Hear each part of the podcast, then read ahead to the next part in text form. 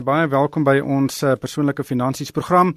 My naam is Ryk van die Kerk en vandag gaan ons gesels oor skelm skemas. Dit is die sogenaamde Ponzi of piramide skemas wat mense met oordrewe beloftes van vinnige rykdom lok om hulle hardverdiende geld daarin te belê en dan hierdie skemas eintlik altyd eindig altyd in trane. Uh, en dis gewoonlik desperate mense wat die hardste geslaan word. Dis mense wat probeer om 'n omkarige pensioengeld te rek of mense wat selfs gaan geld leen om in hierdie skemas te belê om 'n vinnige wins te maak en wanneer dit dan misluk uh, en almal van hierdie skemas hulle misluk uh, dan is daar baie hartseer. En uh, die realiteit is uh, dat daar baie van hierdie skemas uh, om ons is. Uh, Ponzi Tracker byvoorbeeld is 'n Amerikaanse instelling wat uh, sulke skemas ondersoek En uh die afgelope 10 jaar het dit nie minder nie as 800 sulke Ponzi skemas in Amerika getel uh en saam het uh mense so wat 60 miljard dollar of 900 miljoen rand verloor. Nou ek dink dis net die ore van die seekoe daardie uh en in Suid-Afrika is dit ook uh, geweldig uh, baie van hierdie skemas wat in omloop is. Uh, baie van hierdie internasionale skemas steek ook kop hier uit. Ehm um, die Reserwebank het byvoorbeeld uh, verlede jaar um, ehm, 40 van hierdie skemas ondersoek. Nie almal is baie groot nie, sommige trek net 'n paar miljoen rand van uh, sogenaamde beleggers en dan misluk dit binne 'n paar maande. Ander trok trek miljarde rande en kan vir jare lank aangaan voordat ineenstort uh, onder die grootste stel uh, Creon, Defense X, uh, Triple M. Daar's ook verskeie ander wat aan kripto geld eenhede gekoppel is. Uh, die vlak van gesofistikeerdheid van hierdie skemas verskil ook wesentlik. Sommige is baie eenvoudig en teiken oningeligte mense. Anders ander is weer baie ingewikkeld en moeilik om te identifiseer. Um, ek dink baie luisteraars sal die Barry Tannenbaum skema van die laat 2000s onthou en dit het omtrent 10 miljard rand se in aanhalingstekens beleggings gelok van professionele persone en selfs uitvoerende hoofde van multinasjonale maatskappye. Barry Tannenbaum het hulle om die bos gelei en meer as 10 miljard rand is uh, is daardeur ehm um, verloor. Nou ons gaan vandag kyk na die kenmerke van hierdie skemas en hoe mense dit kan vermy. Ek het twee gaste, Nerina Visser, sy's van ETF SA. Uh Nerina, welkom by die program en dan ook saam met my in die ateljee Eckhart Volker, hy's die uitvoerende hoof van Integrated Forensic Accounting Services. Daar's baie meer skemas as wat mense dink. Ek dink baie mense dink aan piramide skemas en ponzi skemas is net die grootes waarvan uh, daar 'n groot gewag gemaak word in die media, maar dit is nie so nie. Daar's baie van hierdie skemas. Môre ryk ja, daar's verskriklike kom van hulle in enige advertensie, enige koerant, dan kan jy na die finansies bladsye kyk en dan sien jy daar's hierdie beloftes van hierdie groot geld en en belê nou en word jy skat trek vinnig. Ja. Nerina ja, in, in die gesofistikeerdheid is baie Uh, interessant. Soms ry jy by 'n 'n verkeerslig verby en dan is daar 'n plakker teen een van die pale wat sê hy kan jou liefdesprobleme oplos, hy kan jou geldprobleme oplos. Uh, Ek kan selfs uh, probleme van sommige mans ook oplos en dan lag jy nou vir daardie tipe van 'n plakker want jy weet dit is 'n skema maar dan daai aand braai jy en om die braaivleisvuur sê iemand luister ek het hierdie nuwe beleggingsgeleentheid gesien en hulle het my alreeds uh, soveel van eh, 'n uh, groot opbrengs uitbetaal. Um, kom klim in. En dan oorweeg jy dit. Uh, en en dit dis soms die probleem Ja, môre ryk en en hallo ook vir vir al die luisteraars. Um, ja, en ek dink jy's heeltemal reg. Ek dink dit is die die mate of die manier waarop 'n mens vir die eerste keer bewus raak van so 'n skema wat dikwels ook die sukses daarvan kan be bepaal. Jy praat nou van van kennisgewings wat mense dalk deur die die verkeersligte paal gaan sien, ehm um, tegnologie en veral ehm um, sosiale media soos byvoorbeeld WhatsApp en en Facebook en hierdie tipe van dinge het gemaak dat daar 'n baie groter en breër en vrugbare potensiële mark vir hierdie ehm um, uh, geldwasery en vir die Ponzi skemas en so aan is daar. En en baie mense dink dan maar weet jy wat as ek hierdie aanbeveling kry van my vriend langs die braaivleisvuur of langs um, iemand wat ek baie vertrou en wie ek baie vir wie ek baie respek het, dan moet dit mos met ander woorde nie moeite werd wees. En ongelukkig dink ek gebeur dit so dikwels dat 'n mens dit doen op grond van iemand wat vir jou sê maar ek het reeds soveel geld gemaak. Met ander woorde, baie daai klassieke tipe van foutiewe manier wat ons dan self um, regte beleggingsgeleenthede kyk en dit is om te sê wat het mense in die verlede uit hierdie uit hierdie belegging gekry in terme van 'n opbrengs en dan maak ons 'n besluit vir die toekoms gebaseer op daai historiese feit. Ehm um, dit natuurlik is nie is is is nie die die enigste rede hoekom mense mens hier by by vasgevang word nie. Ehm um, daar's heelwat ander maniere wat mens ook kan kyk hoe om hierdie soort van dinge uh, te herken en en raak te sien en dit te vermy. Maar ek dink die die die persoonlike sogenaamde endorsement, die persoonlike uh, bevestiging van iemand wat jy ken en wat jy vertrou, dink ek is een van die moeilikste dinge om eintlik emosioneel ook teen te werk en te sê nee wag, ek gaan eers 'n bietjie my eie huiswerk doen en nie sommer net hierdie ehm um, hierdie wat vir my voorgehou word as vanselfsprekend aanvaar nie. Dis die sogenaamde FOMO, fear of missing out. Ja, net so. Ja.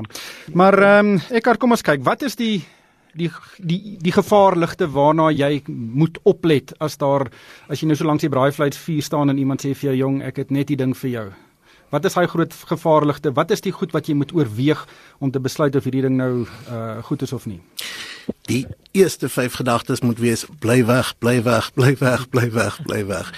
Die risiko is baie baie groot. En indien die belofte is jy kan nie um, nie deel wees daarvan nie al die ander mense doen fear of missing losing out soos jy sê dan ook te groot jy gaan vinnig geld raak en dis risikovry en dis geaudit en dis gedek en dis ondersteun deur al die ander en en al die ander mense beamoed dit. Jy weet al daai woorde is ontwerp om jou onkant te betrap soos gesê bly weg die risiko is baie groot. As jy nie kan bekostig om jou geld te verloor nie bly weg. Ja. Nerina wat is jou gevaarligste Ek dink ek het absoluut die belangrikste gevaarligte. Eene wat ek dalk graag wil bysit dink ek is ook as jy um, jy moet vir jouself gaan afvra waar kom die geld of hierdie opbrengs vandaan wat vir jou beloof word. En dis een van die mees basiese vorms van van van bietjie navorsing wat 'n mens kan doen. En as jy enigsins eers in die metode of die manier wat hierdie geld gegenereer word, optel dat daar 'n situasie is waar um, jy ander mense moet werf om ook in die skema in te kom, dan weet weet jy jy het 'n klassieke Ponzi skema te doen of 'n piramide skema te doen. En ek dink dis een van die belangrikste dinge waarvoor mense moet uitkyk. Want as die betaling wat jy aan die einde van die week of die maand of wanneer ook al moet kry afhang daarvan dat ander mense nuwe geld in die skema moet insit, dan moet jy weet dit is nie volhoubaar nie. So, ehm um, ek weet ek luister na wat vir jou gesê word, maar wat die dis dis dis maklik om te sê vir my net, maar as 'n mens dalk nou voel maar jy jy stel dalk tog belang, jy wil graag meer hiervan uitvind, gaan vra net vir jouself hoe word hierdie geld gemaak en is dit realisties dat hierdie tipe van opbrengste wat vir my beloof word wel gegenereer gaan word deur die tipe van belegging wat wat oënskynlik onder ondersteunend is tot hierdie skema. Ja. Ja, ek dink die die sleutelterm is uh, beginsels hier is is uh, jy as die geleentheid vir jou baie baie hoë opbrengste bied, uh meer as wat jy met tradisionele beleggings kan kry en as jy nou moet belê, jy het hierdie hmm. een kans dit moet nou gebeur en die opbrengste word gewaarborg. Uh dis 'n ge, uh, geleentheid van 'n leeftyd wat jy nou voor jou staan. Um ek wil net vinnig stig terug uh, stil staan by die opbrengste Nerina. Um hmm. baie mense kyk na wat jy by 'n bank kan kry sien na maar 7 of 8% rente en ewe skielik bied mense vir hulle weet 7-8% 'n maandrente aan of selfs 20% 'n maandrente. Wanneer moet die gevaarligte begin flikker oor die omvang van die opbrengste? Ek dink die gevaarlikste is definitief nie net in die in die grootte van daardie opbrengste wat beloof word nie, maar as daar as dit beloof word dat hierdie 'n gewaarborgde en 'n deurlopende opbrengs is. Met ander woorde, daar is definitief beleggings waar 'n mens 7 tot 8% per maand kan opbrengste kan kry, selfs 20% per maand, maar jy kan dit nie maand na maand na maand so kry nie en ek dink dit is waar die gevaarlikste begin be, um, definitief vir jou moet moet kom. Ek dink in terme van hoeveel meer as die 7 tot 8% wat mense nou maar in 'n goeie um, geldmarkfonds of in 'n bankrekening kan kry, um, is om vir jouself te begin sê, goed, as ek hoër opbrengste wil verwag, beteken dit daar is noodwendig meer risiko daaraan verbonde. En as mens dan gaan kyk na die langtermyn opbrengste wat 'n mens kry uit uit meer tradisionele beleggings uit, oor die baie baie langtermyn praat mens dalk van inflasie plus 7 tot 8% en dis regtig 'n goeie opbrengs waarvan ek nou praat. So as ons werk en ons is baie konservatief en ons sê inflasie is 4 of 5% en jy sê 4 of 5% plus 7 of 8% dalk bo kan dit, dan praat jy met ander woorde iets van 12 dalk 14% per jaar wat 'n mens um, kan verwag. So enigiets wat bo 15% per jaar is en wat vir jou aangebied word op 'n volhoubare basis, moet jy besef as hierdie nie 'n 'n 'n skema van een of ander geldfofie van een of ander aard is nie, moet daar met ander woorde, um, kan dit nie volhoubaar wees nie. Jy kan nie maand na maand hierdie tipe van opbrengste verwag nie. Ja. So dit gebruik ek altyd amper half as 'n jy weet so van 'n rule of thumb om te sê, weet jy wat, as dit meer as 15% per jaar gaan wees, moet ek weet nou moet ek 'n bietjie meer huiswerk gaan doen voordat ek gemaklik kan wees om te sê hierdie is wel op ehm, 'n um, belegging waarin ek my geld kan instoot. Ek het Johan van Middelburg in Mpumalanga uh, som dit baie goed op en dit is die ou gesegde as dit te goed klink om waar te wees, dan is dit. Ja, Nou maar uit die aard van die saak dink ek is daar wel goeie beleggings ook. En dit is nou ek weet daar is 'n baie gemaklike gesegde om te gebruik maar ek moes met dalk sê maar goed hoe gaan ek in praktyk te werk gaan om te bepaal is hierdie regtig te goed om waar te wees? En ek dink dit is waar mense huiswerk vandaan kom. So ek sê om te probeer bepaal hoe word daardie opbrengste gegenereer en is dit iets wat jy dink wat vir jou sin maak wat jy dink wel daardie tipe van opbrengste kan genereer 'n ander ding natuurlik om na te gaan kyk is is is is een van die van die belangrikste goed vir ons is die registrasie by die finansiële sektor. Um, raad jy weet daar is 'n rede hoekom finansiële adviseurs maatskappye produkte ge, ge, geregistreer gelisensieer moet wees en dit is waar jou beskermingsmaatreël vandaan kom. So dit is ja. altyd vir my ook 'n baie belangrike eerste plek om te gaan kyk. Um, dit beteken ook nie dat iets wat gelisensieer en geregistreer is nie ook vir jou dalk ehm, 'n um, slegte belegging kan beteken nie maar minstens gee dit vir jou 'n 'n 'n vangnet en 'n beskermingsmaatreël maatreël ook om te sê maar daar is dan daar is dan stappe wat jy kan volg om om hierdie persoon aan die klok te laat hang of om of om daai geld dalk te probeer terugkry. Ja. Maar as jy te doen het met 'n skema wat glad nie geregistreer is nie, dan moet jy weet jy's nou op jou eie. Nou neem jy risiko's aan waar daar niemand gaan wees om jou te help om jou uit 'n penarie uit te kry as jy jouself ja. daarin bevind nie. Ja, ek het ek dink dis kritiek. Uh belê in opsies of belê in dinge wat geregistreer is. Dit is by die finansiële dienste raad of die uh, gedragsowerheid van die finansiële sektor geregistreer die, by die FSCA. Dit is genoteerde aandele op die JSE. Dit is in 'n gereguleerde mark waar daar as daar 'n probleme is, het jy ehm uh, dinge wat jy of mense wat jy kan nader om jou te help om jou geld terug te kry of om ten minste te reguleer dat die goed nie gesteel word nie. Presies, dis vir jou eie beskerming en is so belangrik om te fokus op daai amptelike beleggings geleenthede. Ja. Hier's 'n hele paar SMS'e wat inkom en uh Carrot Bar, seker omtrent 5 uh 6 uh SMS'e vinnig na mekaar. Uh ek wat dink jy van Carrot Bars? Ek hoor van hom, ek lees van hom en ek dink dit is 'n skema. Ek het nie persoonlike ondersoek betrokkenheid gehad, maar alles wat ek lees, alles wat ek sien, laat my uh, glo ja, dis nog een wees versigtig of bly weg. Ek glo nie woord van hulle. Nerina Karadwaar? Selfde selfde vir my. Ek het geen persoonlike ervaring daarvan nie. Ehm um, maar ek dink die feit dat die finansiële sektor ehm um, ehm um, uh, instansie ook gesê het bly weg moet vir jou 'n baie baie groot gevaar lig en en 'n rooi vlag wees. Ehm um, ek dink dit is dis wel vir my 'n goeie voorbeeld ook waar hierdie die mense wat hierdie tipe van skemas aan mekaar sit gebruik dinge wat wat baie um, relevant vandag is of baie nuut is. En en twee dinge dink ek wat baie ter sprake daar is, is die idee van die kriptogeldeenhede of een of ander vorm van van 'n kripto um, aantrekking of a, of 'n hoek wat jy soort van het hieraan. En dan die tweede ding is natuurlik die idee van belegging in fisiese goud en en beide van daardie twee kan baie goed en normale en regte en goed gereguleerde beleggingsgeleenthede wees. Deur dit te kombineer en dan nou hierdie addisionele dinge by te sit soos byvoorbeeld die die multivlak ehm um, jy weet bemarking ehm um, strategie wat nodig is en daai tipe van ding. Dis daai dis daai package deal dis daai kombinasie van hierdie dinge wat ek dink die gevaarligte veroorsaak nie noodwendig net een individuele aspek daarvan nie. Ja ek, ek het dit baars ek het uh, vrydag aand uh, en en verlede week donder donderdag uh, met verskeie mense onderhoude gevoer oor Carrotbars. Die potgoeie is beskikbaar by moneyweb.co.za. Maar ek dink die die sleutel van Carrotbars is as jy in goud wil belê, gaan belê in uh, regte goud. Uh, gaan koop vir jou kreerande hmm. of gaan koop vir jou 'n goud effekte trust in 'n gereguleerde mark. Die FSCA het reeds uh, gesê dat uh, Carrotbars het nie 'n finansiële dienste lisensie om hierdie produkte in Suid-Afrika te verkoop nie. So gaan belê eerder in produkte wat gereguleer is eerder as wat dit nie gereguleer is nie. En uh, goud is 'n interessante bateklas op sy eie. Nog 'n hele paar SMS'e Bitcoin uh en en en en kriptogeldeenhede. Eckhart, ja, uh daar is 'n uh, 'n nuwe mark wat ontwikkel uh op die oomblik. Nou ek weet nie wat dit presies is of dit 'n geldeenhede is of bateklasse of dit net uh weet 'n finansiële tegnologie is wat ons sien met hierdie kriptogeldeenhede nie. Ehm um, maar baie uh, skemas bou uh Ponzi skemas en selfs piramide skemas op kriptogeldeenhede want almal dink dit is hierdie ding wat jou vinnig ryk kan maak. Ehm um, wat is die gevaarligste as dit kom by kriptogeldeenhede? weer eens die probleem is ons verstaan nie presies hoe daai geld ondersteun is, hoe daai geld vandaan, waar dit vandaan kom en en of dit regmatig is of nie. Ons weet Bitcoins is blyk alles opreg te wees, maar gekoppel daaraan en die geloofwaardigheid van die kriptogeld eenhede is nou die leens gekoppel. So ons verstaan nie presies hoe dit werk nie, maar ons dink dit sal seker werk. Dit is seker okay, almal belê daar en almal weet daarvan, maar dan word die leens daaraan gekoppel en die geloofwaardigheid word ondersteun deur halwe waarhede. Ja.